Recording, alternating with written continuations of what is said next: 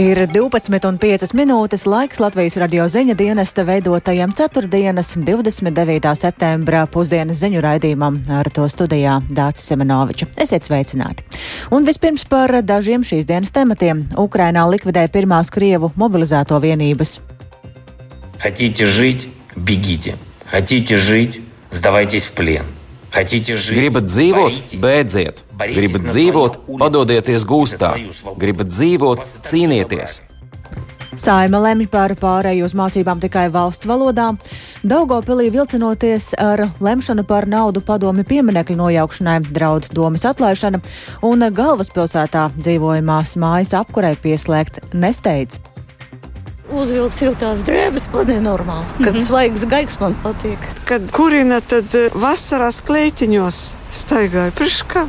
Ja mēs pat zinām, ka būs dārgāk. Ņemot vērā izcenojumu, prognozes, jā, drēbes savilkt vairāk.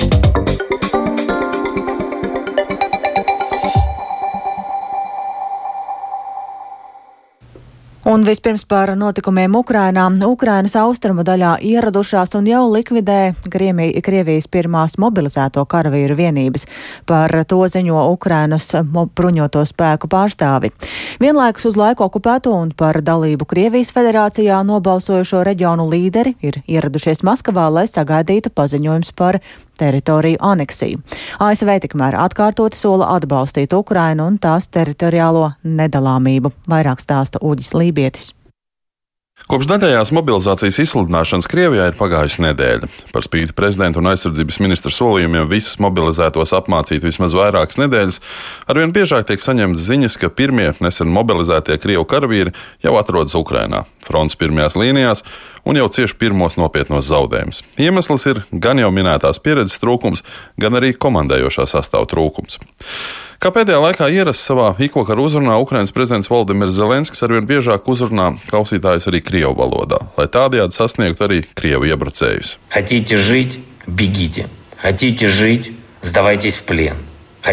Gribat dzīvot, beidziet. Gribat dzīvot, padodieties gūstā. Gribat dzīvot, cīnieties. Cīnieties savās ielās par savu brīvību. Jums jau tā viss ir atņemts. Vai arī varbūt kādam no jums ir naftas platformas, pilis, vinogulāji, bet varbūt jums ir jahtas vai kāda banka? Par ko jūs vispār cīnāties? Jums ir tikai kredīti, lai vakarā kaut ko parītu, un tagad arī mobilizācija. Cīnieties par savējo, nelieniet mūsu zemē, mūsu dvēselē un mūsu kultūrā. В нашу душу и в нашу культуру. Kā liecina gan rietumu, gan krievu militāro apskatnieku prognozes, Krievijas spēki drīzumā Ukrainā varētu nonākt ielenkumā un ciest nopietnu sakāvi Limanas tūmā, kas savas nozīmības ziņā varētu līdzināties straujiem panākumiem Harkivas atbrīvošanā. Tikmēr rietumu pasaule turpina reaģēt uz okupētajās Ukrainas teritorijās notikušajiem pseido referendumiem par pievienošanos Krievijas federācijai. Dažu šo reģionu referendumu rīkotāji jau ir ieradušies Maskavā, kur rīt gaidām Krievijas prezidenta Vladimira Putina uzruna parlamentam un visticamāk arī aicinājums uzņemt šos reģionus Krievijas sastāvā. Aģentūras Reuters publicētajos fotoattēlos jau redzams, ka sarkanajā laukumā ir uzcelta īpaša skatu un rīt pēc Putina uzrunas ir gaidāms mītiņš, uzņemot Ukrainas reģionu pārstāvjus savā saimē. Komentējot referendumu iznākumus, Baltānam pressekretāra Karina Žanpjēra norādījusi, ka Savienotās valstis nekad neatzīs šos balsojumus un turpinās atbalstīt Ukrainu, cik vien nepieciešams. Response, Mēs strādāsim ar mūsu sabiedrotajiem un partneriem, lai ieviestu papildu ekonomiskās izmaksas Krievijai, personām un organizācijām Krievijā un ārpus tās, kuras sniedz atbalstu šīm darbībām. Mēs sapulcināsim globālu opozīciju Krievijas mēģinājumiem veikt aneksiju, tostarp apvienotajās nācijās. Un mēs turpināsim būt kopā ar Ukrainu un aizstāvēt viņu teritoriju un suverenitāti, kā mēs to esam darījuši pēdējos As we have been doing for the past several months. Tieši vakar Savienoto Valstu aizsardzības ministrija atklāja, kas tiks iekļauts nākamajā palīdzības sūtījumā Ukrainai, kura vērtība pārsniedz 1,1 miljārdu dolāru. Tās ir 18 augstas mobilitātes artilērijas raķešu sistēmas Haimars, 150 augstas mobilitātes bruņotās mašīnas, jeb Hamvī, 150 vilcēji, 40 kravas automašīnas smagās tehnikas pārvadāšanai, dažādi radari, pretgaisa sistēmas, sakaru iekārtas, atmīnēšanas aprīkojums un cits karavīru aprīkojums. Vienlaikus paredzēts sniegt finansiālo atbalstu atbalstu arī Ukrāņu apmācībai, kā arī tehnikas apkalpei un atbalstam. Uģis Lībijams, Latvijas Radio.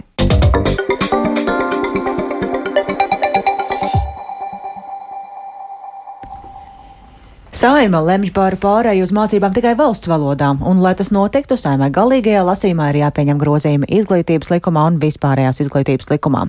Saimas sēdi jau sākās pulksten deviņos no rīta, un par to tūdaļ arī uzzināsim vairāk, jo man studijā pievienojas kolēģis Kristaps Feldmanis, kurš seko līdzi lemtajam. Sveiks, Kristap! Sveika, Dāce! Labdien, Latvijas radio klausītāji! Ja saima arī trešajā lasīmā atbalstīs pakāpenisku pārēju uz izglītību tikai valsts valodā, ko tas nozīmēs? Jā, kā jau tu teici, saimnes sēde, kurā par šo jautājumu jālēma jau labu laiku ir sākusies, kopš pulksten deviņiem tiesa saimnes deputāti līdz šī konkrētā jautājuma izskatīšanai vēl nav pat tuvu nonākuši. Pats likuma projekts paredz pakāpenisku pārēju uz mācībām tikai valsts valodā pirmsskolā un pamat izglītībā trīs gadu laikā. E, atgādināšu, ka valdība jau jūnijas sākumā šādu ieceri atbalstīja un nodeva tātad skatīšanai saimā, kas tad notiek šodien. Proti līdz 2025. gadam mācības pirmsskolā un pamat izglītības iegūšana ieviešanas procesā notiks tikai latviešu valodā. Šo pārejas posmu noteica, lai veicinātu sekmīgu pilnveidotā mācību satura un pieejas ieviešanu visās Latvijas izglītības iestādēs. Vēlos atgādināt, ka toreiz, kad šo lēmumu atbalstīja un skatīšanai saimā nodeva valdība, izglītības un zinātnes ministrija to pamatoja tā, ka līdzšinējā mācību valodas pieeja mazākuma tautību izglītību programmās nav pilnībā nodrošinājusi valsts valodas kvalitatīvu apgūvi visos izglītības posmos, un tas savukārt neļauj šādu izglītību iegūšajiem jauniešiem jauniešiem maksimāli efektīvi piedalīties sabiedriskajā dzīvē un sekmēt turpmākās izglītības iegūšanu. Jā, mēs jau minējām to, ka tā būs pakāpeniska pārēja. Ko tas nozīmēs un kā būs šī pārēja? Ir paredzēts, ka sākot ar 2023. gada 1. septembri pirmsskolas izglītība tiks īstenota valsts valodā. Paralēli no šī paša termiņa netiks īstenota mazākumtautību pirmsskolas izglītības programma un mazākumtautību speciālās pirmsskolas izglītības programma. Mazākumtautību izglītojumiem tiek nodrošināts iespējas pirmsskolas izglītības iestādē vai pašvaldības interešu izglītības iestādē apgūt mazākumtautību valodu un kultūru vēsturi valsts un pašvaldības apmaksātas interešu izglītības programmas ietvaros. Līguma projektā paredzēts paredzētais regulējums nosaka uh, ieviest valsts valodu visā pamatizglītības pakāpē, sākot ar 2023. gada 1. septembri. Vispārējās izglītības pamatizglītības programmas eh, tiks īstenotas pilnībā latviešu valodā 1., 4. un 7. klasē, no 24. gada mācību gada sākuma 2., 5. un 8. klasē, un no 2025. gada 3., 6. un 9. klasē. Jā, paldies tev, Kristapa. Mēs um, runājām tātad pār, par pārēju uz mācībām tikai valsts valodā. Dzirdējām, ka tā notiks pakāpeniski. Saima gan vēl pagaidām šodien nav tikusi līdz šī jautājuma lemšanai, taču noteikti par to arī ziņosim turpmākajos uh, ziņu izlaidumos. Bet uh, par kādu citu tematu. Ja Daugopils tuvākajā domas sēdē nelems par naudu totalitārā režīma slavinošo pieminekļu nojaukšanai, tad tā ir drauda domas atlaišana. Tā norāda vīdes aizsardzības vides un reģionālās attīstības ministrija. Varam neapmierina Daugavpils iesniegtais pieminekļu nojaukšanas plāns un esot bažas, ka objektus nenojauks līdz 15. novembrim, kā tas ir jādara. Tikmēr pašvaldība jau atkal ir vērsusies satversmes tiesā apstrīdot likuma prasības un par to plašāk Lindas Spundiņas ierakstā. Mēneša vidū satversmes tiesa lēma atteikt ierosināt lietu pēc Daugopils domas pieteikuma, ar kuru tā apstrīdēja pienākumu demontēt totalitārā režīma slavinošus objektus. Tas pašvaldību neapturēja vērsties konstitucionālajā tiesā atkārtoti. Daugopils mērs Andrejs Elksniņš no saskaņas skaidro, ka pašvaldība iepriekšējo pieteikumu ir papildinājusi. Šonadēļ tas nonācis satversmes tiesā. Satversmes tiesa savā lēmumā ir norādījusi, ka domai būtu jāpievēršas ziedojumu vākšanai, jo likums arī paredz šādu prasību. Dome informēja par iespējamiem ziedojumiem. Ziedojuma apmērs dotu brīdi sastāda mazliet vairāk par 660 eiro, bet tas nav pietiekams, un šajā sakarā dome, izpildot satversmes tiesas lēmumā norādīto, šo trūkumu ir novērsusi, informāciju papildus pievienojusi un atkārtoti iesniedza būtības jau iepriekš sagatavotu pieteikumu satversmes tiesā. Ziedojuma apmēri ir dažādi - no 1 centa līdz 100 eiro. Ziedotāju skaits mērāms desmitos, norāda Elksniņš. Mēri ieskatā ir pārkāpta satvērsme, jo uzdodot nojaukt pieminekļus, likumdevējs nav paredzējis tam finansējumu. Kā arī Daugavpils norāda, ka pašvaldība jau pirms 30 gadiem ir atbrīvojusies no padomu ideoloģijas slavinošiem pieminekļiem. Pašvaldībā uz doto brīdi pieminekļu, kuri slavinātu padomu režīmu, nav. Daugopils vēlāk nekā citas pašvaldības iesniedza veicamo darbu grafiku, saskaņā ar kuru divi pieminekļi jānojauc līdz 15. novembrim. Jāatgādina, ka Daugopils mājas darbu izpildīja pēc pašvaldības ministra Artūra Toma pleša no attīstībai par skubinājumu. Ja grafiks nebūs laikā, domi var atlaist. Nedēļas sākumā pašvaldība rīcības plānu ir mainījusi. Kā stāsta ministrijas valsts sekretāra vietniece Ilza Oša, veiktas korekcijas pēc ministrijas lūguma. Iepazīstoties ar to, ministrijai jau atkal rodas bažas, ka Daugopils nespēs pildīt likumā noteiktās prasības. Izskatās, ka pēc šī grafika paziņojumi par šo būvniecības procesu plānots ir ievietot sistēmā līdz 10. novembrim, un ir vēl plānota paziņojuma izskatīšana līdz 15. novembrim, un arī būvdarbu veikšana līdz 15. novembrim. Tā kā mēs saprotam, ka šis sagatavotais plāns nu, neatbilst un nerada pārliecību, ka pašvaldība patiešām kaut ko izdarīs likumā paredzētajā termiņā. Ministrijai ir divas būtiskas iebildes. Pirmkārt, viens no pieminekļiem nav inženierbūve, līdz ar to tā demontāžai nevajag ievietot paziņojumu nepieciešamajā sistēmā, kas nozīmē, ka pieminekli var nojaukt agrāk nekā doma paredz plānā. Un otrkārt, ministrija lūdz domi tuvākajā sēdē lem par budžetu objektu nojaukšanai, nevis oktobra beigās, kā tas plānots. Turpinoši. Ja šis netiks izpildīts, tad ministrs patur tiesības eh, sasaukt ārkārtas sēdi ar šo dienas kārtības jautājumu. Tās ir trīs dienas. Ja ārkārtas sēdē arī netiek šis jautājums izlemts, nu tad mēs saprotam, ka tie riski ir gan augsti un pašvaldība šo pienākumu nepilda. Ja Daugopils pienākumu nepildīs, ministrs rosinās atlaist domi. Elksniņš norāda, ka provizoriski pieminekļu nojaukšana varētu izmaksāt 350 tūkstošus eiro, pašvaldībai tas esot nepanesams sloks. Linda Spundiņa, Latvijas radio.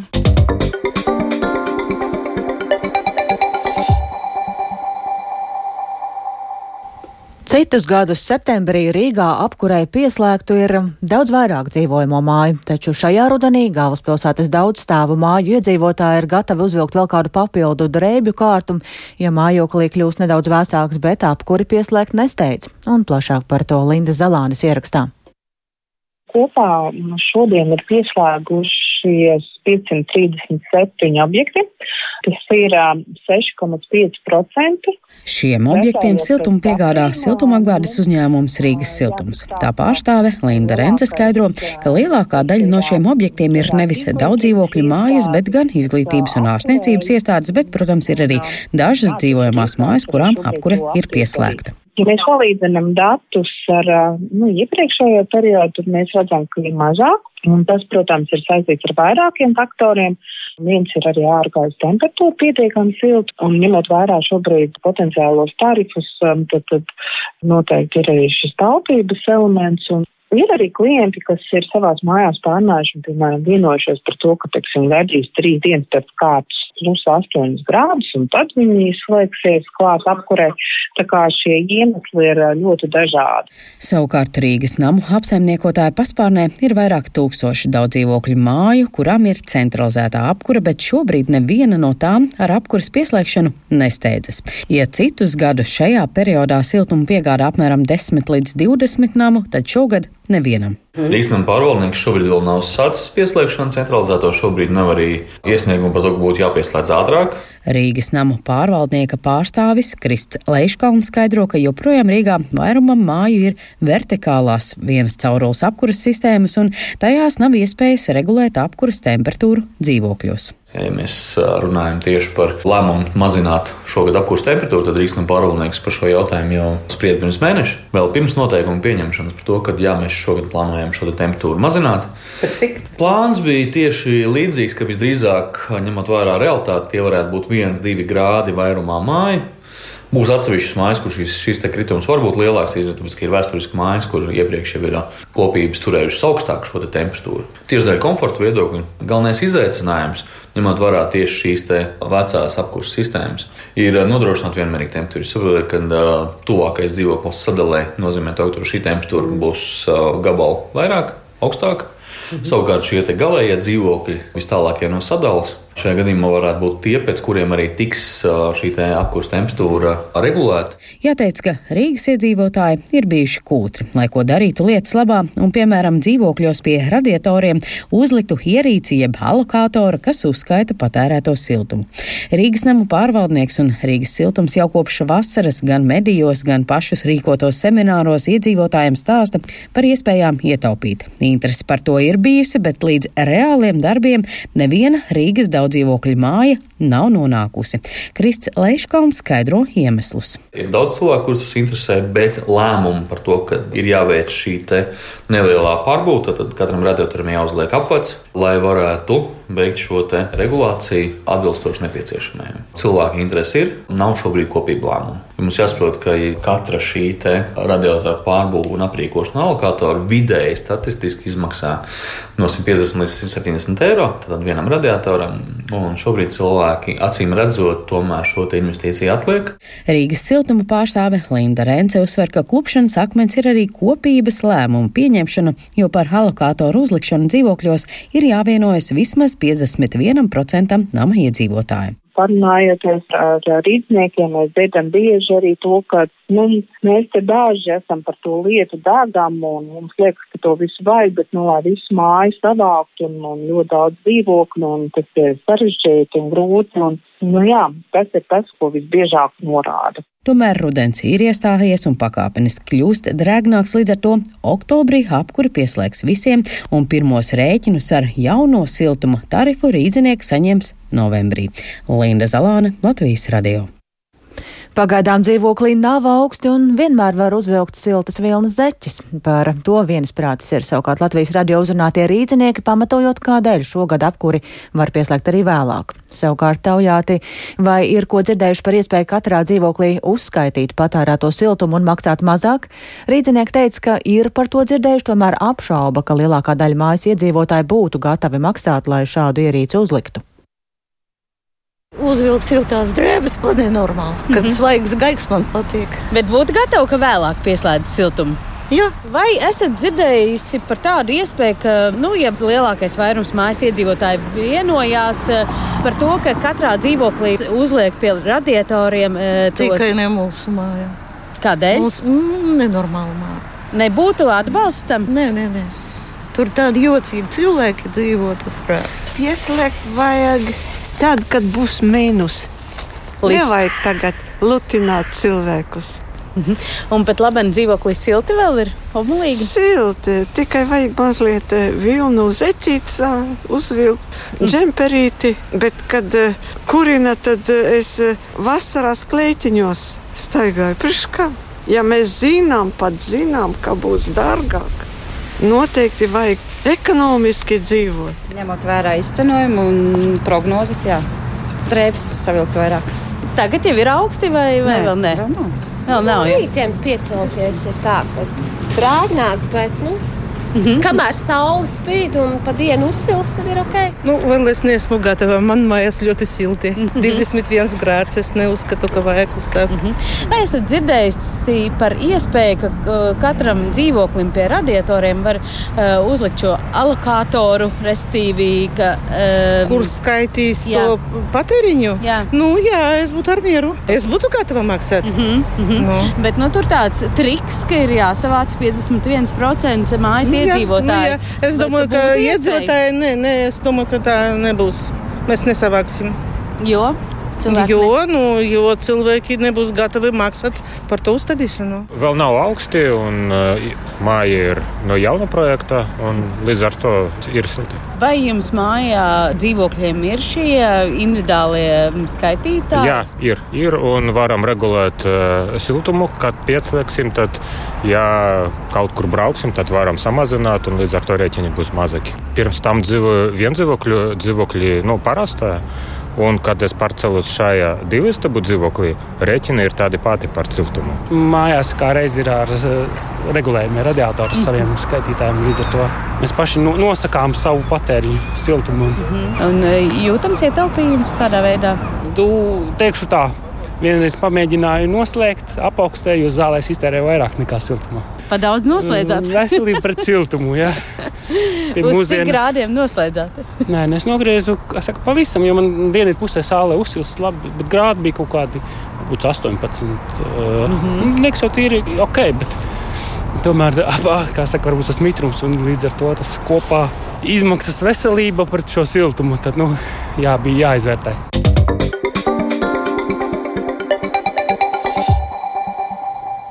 Un vēl Japāna un Ķīna šodien atzīmē 50. gada dienu kopš attiecību normalizēšanas. Pusgadsimta laikā attiecības starp abām pusēm varētu raksturot kā diplomātijas amerikāņu kalniņus.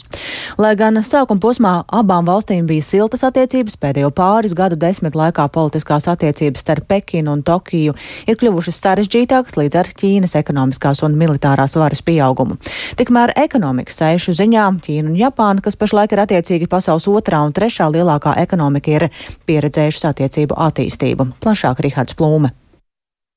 Ķīnas un Japānas diplomātiskās attiecības tika normalizētas 1972. gadā.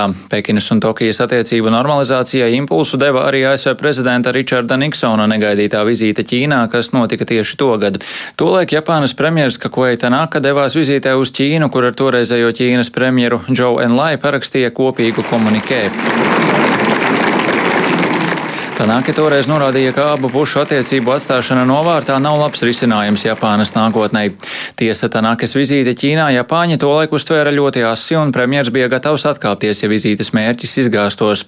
Abas valstis karojušas jau simtiem gadu, tomēr dziļas rētas atstājis pēdējais no kariem. Abas puses ilgstoši karoja arī pagājušajā gadsimtā, sākot ar sadursmēm 30. gados līdz Japānas sakāvei 1945. gadā. Atmiņas par Japāņu zvērībām Ķīnas teritorijā joprojām ir klātesošas. Parakstītajā komunikē Ķīna atteicās no tiesībām uz kara kompensāciju, tomēr Japāna pēdējo četru gadu desmitu laikā ir sniegusi Ķīnai oficiālu attīstības finansējumu 25 miljārdu dolāru apmērā. Ķīnas un Japānas attiecības 70. un 80. gados politisko un ekonomisko saišu ziņā baudīja medus mēnešu periodu. Tā to raksturo Japānas Kobes Universitātes profesors Ķīnas ekonomikas eksperts Kai Kadžitānī. Šajā periodā Ķīnas ekonomika vēl bija primitīvā stadijā, tāpēc Japāna ar savu straujās ekonomiskās izaugsmes pieredzi atbalstīja Ķīnu ar infrastruktūras projektiem un aizdevumiem, skaidro eksperts. Arī 90. gados Japānai un Ķīnai izdevās uzturēt zināmā mērā labas politiskās attiecības, taču tās pasliktinājās 2000. gados Japānas premjera Junichiro Koizumi laikā, kurš vairāk kārt apmeklēja Jasukunijas svētnīcu, kas Ķīnā un citur tiek uzskatīta par Japānas militārās pagātnes simbolu.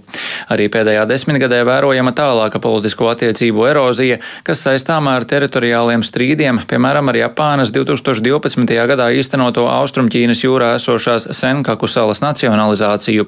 Arī Pekina pretendē uz šīm salām. Jāmin arī ASV un Ķīnas tirzniecības karš, kurā tika ierauta arī Japāna, tādējādi ietekmējot Japānas un Ķīnas ekonomiskās attiecības. Piemēram, pēc tam, kad Japāna 2018. gadā faktiski nolēma pārtraukt sakaru aprīkojuma iegādi no uzņēmuma Huawei. Ja politiski attiecības bijušas saspringtākas, ekonomikā tās bijušas labvēlīgākas. Tiesa Japānai jāpanāk balans starp ASV un Ķīnu.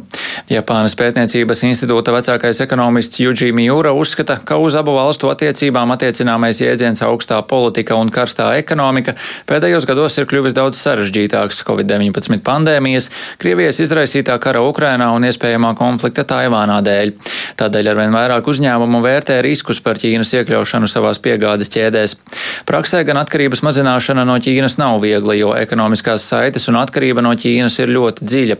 Saskaņā ar Japānas finanšu ministrijas publicētajiem datiem Ķīna tagad ir Japānas lielākais tirzniecības partneris un kopējā tirzniecības vērtība kopš 1972. gada ir pieaugusi aptuveni 113 reizes. Rihards Plūme, Latvijas radio. Un ar to izskan ziņu dienesta veidotā programma Pusdiena. Producents Viktors Pupiks ierakstus montēja Kaspars Groskops par labskaņu rūpējās Jāna Dreimana un ar jums sarunājās Dācis Semenoviča. Vēl īsi par svarīgāko Ukrainā likvidēja pirmās Krievu mobilizēto vienības. Saime lemj par pāreju uz mācībām tikai valsts valodām. Daugopilī vilcinoties ar lemšanu par naudu pieminekļu nojaukšanai draud domas atlaišana un galvaspilsētā dzīvojamās mājas apkurē pieslēgt nesteidz.